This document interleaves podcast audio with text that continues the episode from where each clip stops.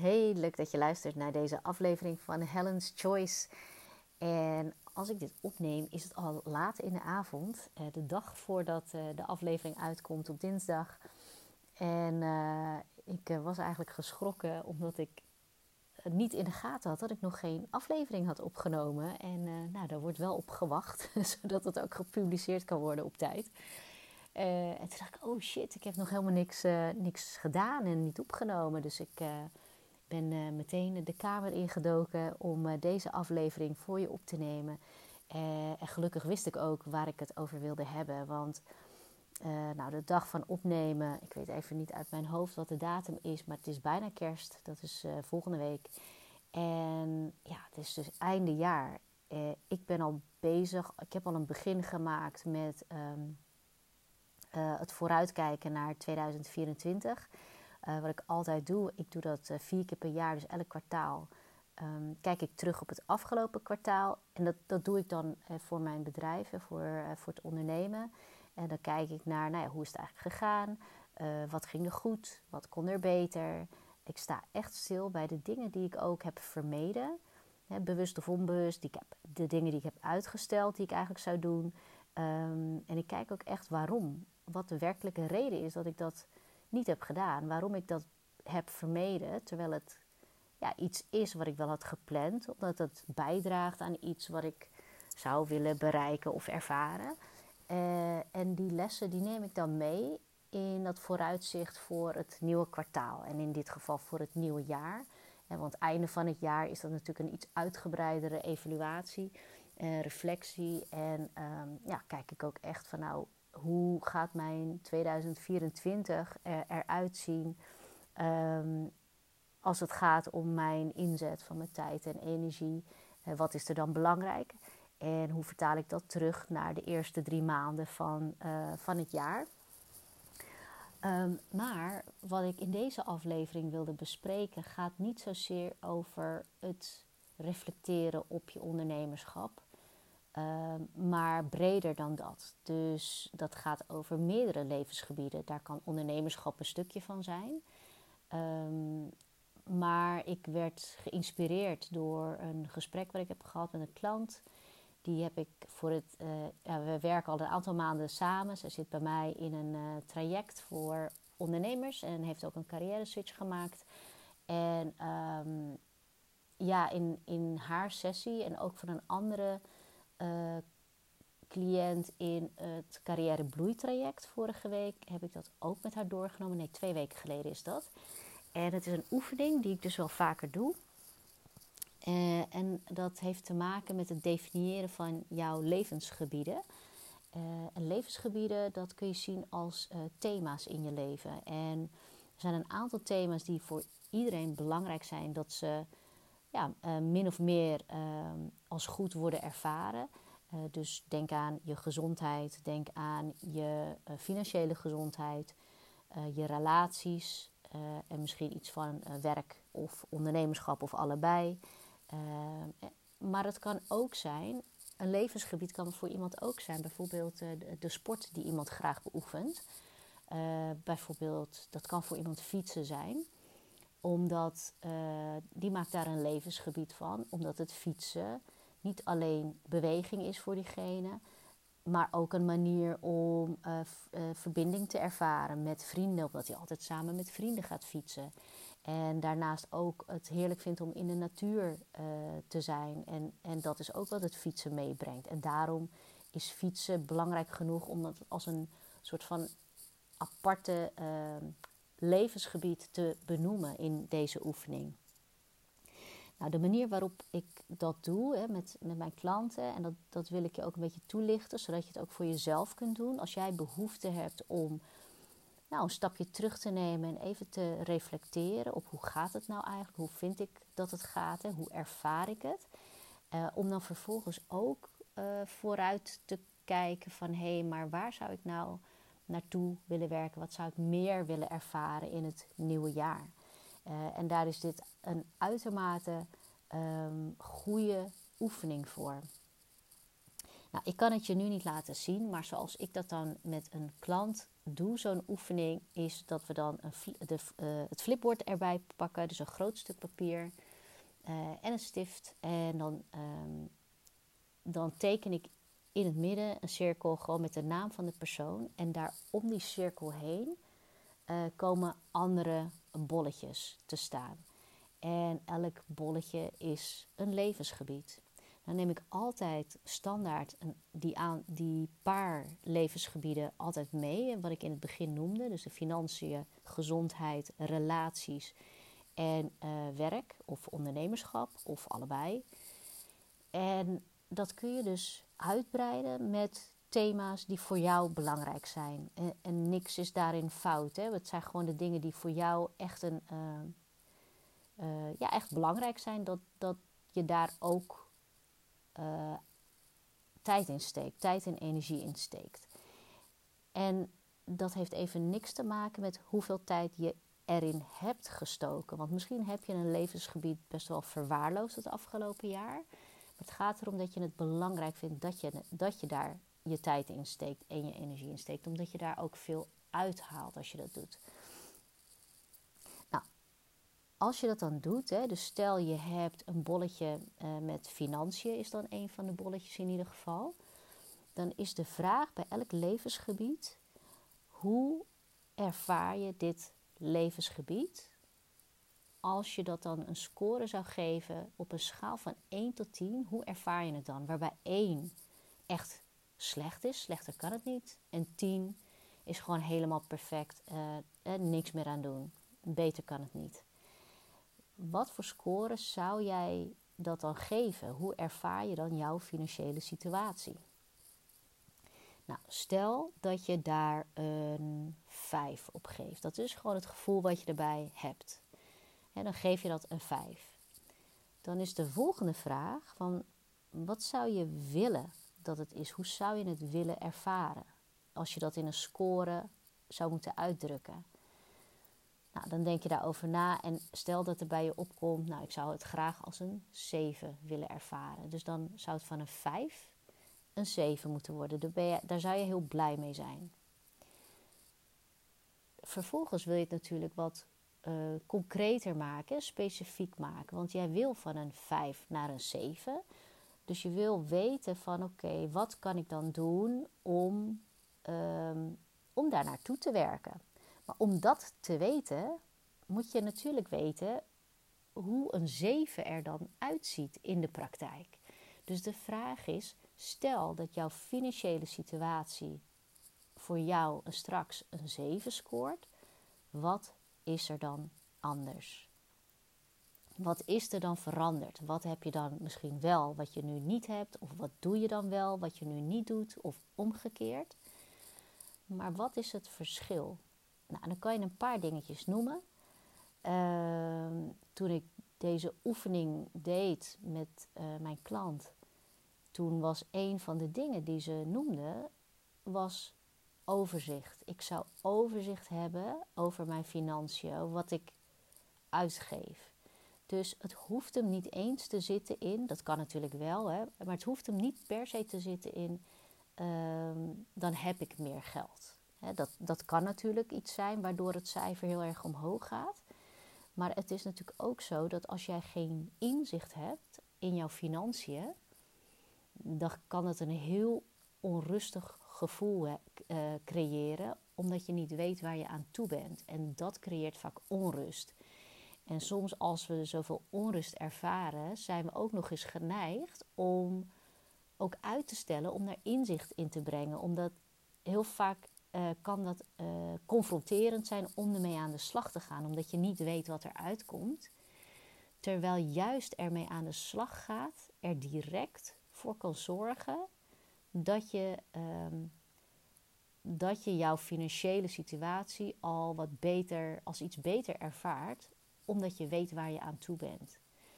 Dus kijk voor jezelf wat jij nodig hebt om dat cijfer omhoog te krijgen. Want wat is er dan veranderd als voor jou een 7 is? Of misschien heb je er wel een 8 van gemaakt of een 9.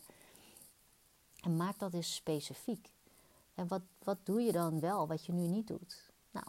Misschien ga je dan elke maand een keer zitten voor hè, hoe je er financieel voor staat. Dat zou kunnen. Het kan ook zijn dat het jou wel gaat om meer inkomsten te genereren. Hè, dat het je nu uh, te veel uh, zorgen geeft doordat uh, je inkomsten nog te laag zijn. En dat het je heel veel rust zou geven als dat wat meer zou zijn. Als je dat weet, dan kun je natuurlijk daarna de vervolgvragen stellen van oké, wat is dan een eerste stap die ik kan zetten om daaraan te werken? Of misschien kan je juist naar je kosten kijken om dat te reduceren, om de dingen niet meer te doen die niet nodig zijn, bijvoorbeeld. Dus op die manier ga je dus al die levensgebieden af. Misschien zijn het voor jou zes levensgebieden, misschien wel acht, misschien wel twaalf. Maar als je dit soort vragen stelt bij elk levensgebied en je geeft het een score, zoals, het, zoals je het nu ervaart, de afgelopen tijd ervaart en zoals je het zou willen ervaren, dan helpt het je om niet alleen het verschil in gevoel en ervaring duidelijk te krijgen, maar het concretiseert echt wat de, wat de werkelijke verschillen zijn tussen hoe je het ervaart. En dat maakt dat je daardoor kleine en grotere doelen voor jezelf kunt uitschrijven per levensgebied. Dus als je dat dus doet voor je, misschien voor je vriendschap is misschien een, levensgebied. Uh, voor je gezondheid kun je dat heel um, specifiek maken. Uh, maar ook voor je werk. Hè. Dus als je je werk nu een 4 geeft, want misschien doe je al heel lang iets waar je helemaal geen energie meer van krijgt. Ja, wat is er dan veranderd als dat van een 4 naar een 7 gaat? En wat is er dan anders? Wat doe je dan wel of wat doe je dan niet? Of wat heb je dan wel wat je nu niet hebt?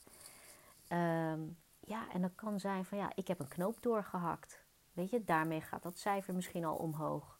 Ik heb een besluit genomen uh, welke richting ik op wil. Of ik ben een opleiding begonnen. Of um, um, ik ben minder gaan werken.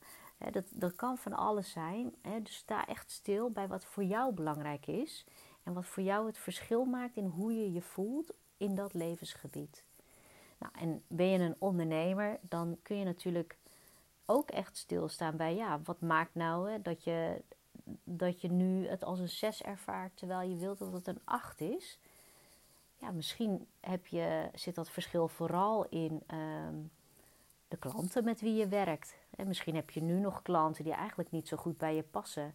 Uh, maar heb je gewoon alles aangenomen wat er op je pad kwam. Uh, en zou het jou helpen om daar uh, wat keuzes in te maken, zodat je werkt met de klanten die het beste bij je passen en bij wat je te bieden hebt. Hè, en zou dat al ervoor zorgen dat het van een 6 naar een 8 gaat? En misschien is het dat je meer omzet zou willen draaien en uh, dat het nu gewoon ja, te weinig is voor hè, wat je zou willen uh, ervaren. En heb je daar gewoon iets in te doen. En dus het helpt je om dit één voor één duidelijk te maken, in kaart te brengen. Dat kan je uittekenen op een groot blad.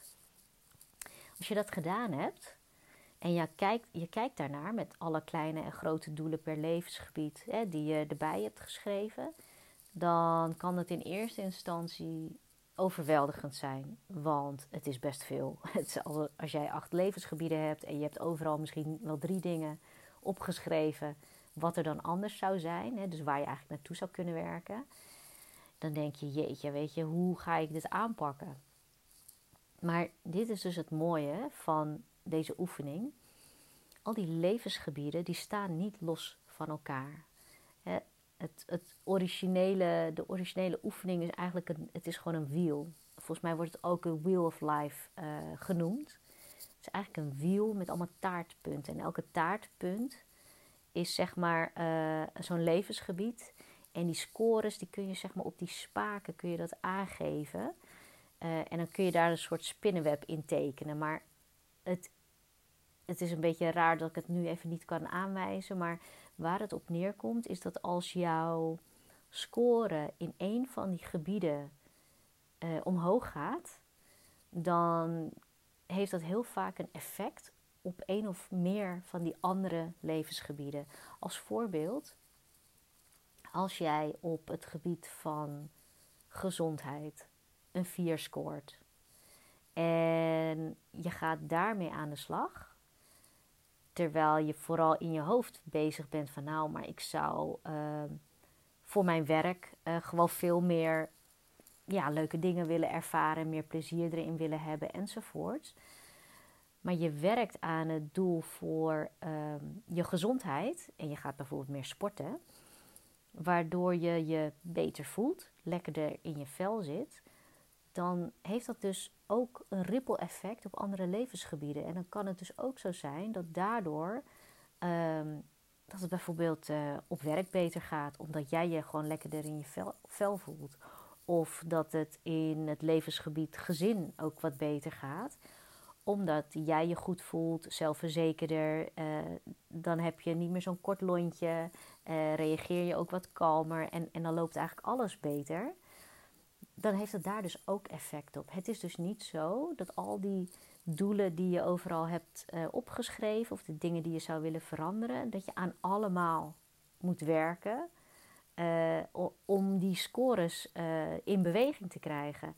Dus wat je doet, als je dus alles hebt uitgeschreven voor die levensgebieden, dan kies je er één of twee uit waar je gevoelsmatig zoiets bij hebt van ja, daar wil ik mee beginnen dus begin gewoon met iets waarvoor je gemotiveerd bent om ermee te beginnen. Want daarmee gaat het balletje gewoon rollen, dat je in actie komt. Want dat is eigenlijk het allerbelangrijkste, is dat je, dat je ermee aan de slag gaat. Dus dat je het implementeert. Want dat, dat reflecteren is natuurlijk heel belangrijk. Hè? Stapje achteruit nemen en gewoon zien waar je, waar je staat en waar je mee bezig bent en, en wat je zou willen. Maar zonder dat je dat koppelt aan implementatie, ja, heb je daar niet zoveel aan. En heb je alleen gewoon een rustig moment van reflectie gehad. Maar het verandert dan niks in, uh, in de praktijk. dus om ervoor te zorgen dat de kans ook veel groter is dat je met die reflectie, die inzichten die je daaruit hebt, daadwerkelijk iets verandert, wil je vooral kiezen voor één of twee van de levensgebieden waar je het meest gemotiveerd voor bent om er iets mee te doen dan is de kans ook groter dat je die actie onderneemt. Vervolgens pak je zo'n levensgebied wat je dan gekozen hebt om hè, daar actie in te ondernemen. En dan kijk je van, oh ja, wat, wat is ook weer het verschil tussen die vijf en de zeven bijvoorbeeld waar je naartoe zou willen werken. En stel jezelf dan de vraag, wat is het eerste wat ik dan kan doen om dit in gang te zetten? En, en werk gewoon naar het eerste kleine doel waar je naartoe kan werken. Zet dat gewoon in beweging. Zorg ervoor dat je die eerste stappen neemt. De ene persoon kan grotere stappen nemen dan de ander. En het gaat niet om de grootte van je stappen. Het gaat erom dat je uh, in beweging komt. Dus als je merkt dat je een stap te groot maakt voor jezelf. En hoe merk je dat? Nou, dat merk je door uitstelgedrag. Dus dat je zegt van oké, ik ga dit volgende week doen. En je hebt het niet gedaan en dan moet je die stap wat kleiner maken. Van, weet je wat, welke stap, welke actie, ja, kan ik gewoon makkelijk doen deze week of morgen. dus maak hem klein genoeg dat je hem ook daadwerkelijk uitvoert. Uh, en pak hem van, van daaruit weer op. Dus in het voorbeeld van de financiën kan een, uh, stel dat je hebt bedacht inzicht in mijn in mijn kosten, in mijn uitgaven, als ik daar inzicht in heb en ik heb gewoon een overzicht van, nou ja, hoeveel geld gaat er naar de boodschappen, hoeveel geld naar de vaste lasten enzovoort, dan gaat dat cijfer van mij gaat omhoog, omdat ik daarmee overzicht creëer. Voor de een kan die stap zijn, die actie zijn van, nou, ik ga uh, overmorgen even een uur of anderhalf uur ervoor zitten. Uh, en dan zet ik alles op een rijtje en dan ben ik daar klaar mee. Als je merkt dat dat echt een drempel is, dat je een uur daaraan zit of anderhalf uur daaraan zit, echt gewoon too much is, ja, maak het dan kleiner en maak de eerste stap dat jij morgen um, de bankafschriften opzoekt en dat je ze exporteert. Weet je, dat kan ook een stap zijn. En dan is de volgende stap daarna is misschien dat je alles arceert wat te maken heeft met de vaste lasten. En dus dan breek je het eigenlijk weer op in nog kleinere, behapbare stukken. Want uiteindelijk kun je net zo snel als die ander daar komen, uh, als je voor jezelf maar die stappen heel zichtbaar maakt. Uh, en, en dat je die duidelijk voor je ziet, zodat je het ook makkelijker die stap gewoon daadwerkelijk gaat nemen. Nou, en als je op die manier aan de slag gaat met jouw één of twee levensgebieden uh, die je hebt gedefinieerd, ja, dan ga je merken dat je, uh, ja, dat je gewoon proactief bezig bent om verandering te implementeren. Uh, dus ja, pak dat gewoon op die manier aan en je zal zien dat waar je voorheen misschien het gevoel had van ja, alles trekt zo aan me voorbij, heb je nu in kaart gebracht wat nou echt het allerbelangrijkste voor je is. Dat weet je nu ook per levensgebied. Heb je dat heel scherp gekregen. Er zijn misschien ook levensgebieden waar je helemaal niks aan hoeft te doen, want daar ben je al super tevreden mee. Um, maar je ziet gewoon ook heel helder van hé, hey, maar daar zou ik het echt anders willen. Omdat je dat kennelijk dus heel belangrijk vindt. Daar wil je je gewoon uh, anders over voelen. Je wil dat anders ervaren. En op deze manier heb je met een, op een makkelijke manier heb je je prioriteiten heb je wel een soort van gesteld. Die heb je meteen in soort van specifieke ja, doelen en acties heb je dat er al uitgefilterd. En als je dan gaat kijken van ja, waar ben ik nou eigenlijk iedere dag mee bezig geweest? Als je het gevoel hebt van nou, weet je, alles gaat zo snel voorbij en het trekt zo aan me voorbij. Ja, kijk dan ook eens of je dingen gewoon op een andere manier kunt regelen voor jezelf. Als je nu weet wat voor jou het allerbelangrijkste is, is het dan wel nodig dat je bepaalde dingen nog doet? Dat je die dingen nog voortzet? Zijn er dingen waar je gewoon mee zou willen stoppen op basis van wat je nu in kaart hebt gebracht? Of zijn er dingen die weliswaar belangrijk zijn dat het geregeld wordt, maar kan je dat ook op een andere manier regelen, waardoor het jouzelf misschien niet zoveel tijd en moeite kost? Maar dat, iemand, uh, dat je daar iemand voor inschakelt of een dienst voor inschakelt of wat dan ook. Maar nu je helder hebt waar het je, waar het je om gaat en wat je meer zou willen ervaren, kun je jouw tijd en jouw energie veel beter vooral daarin steken.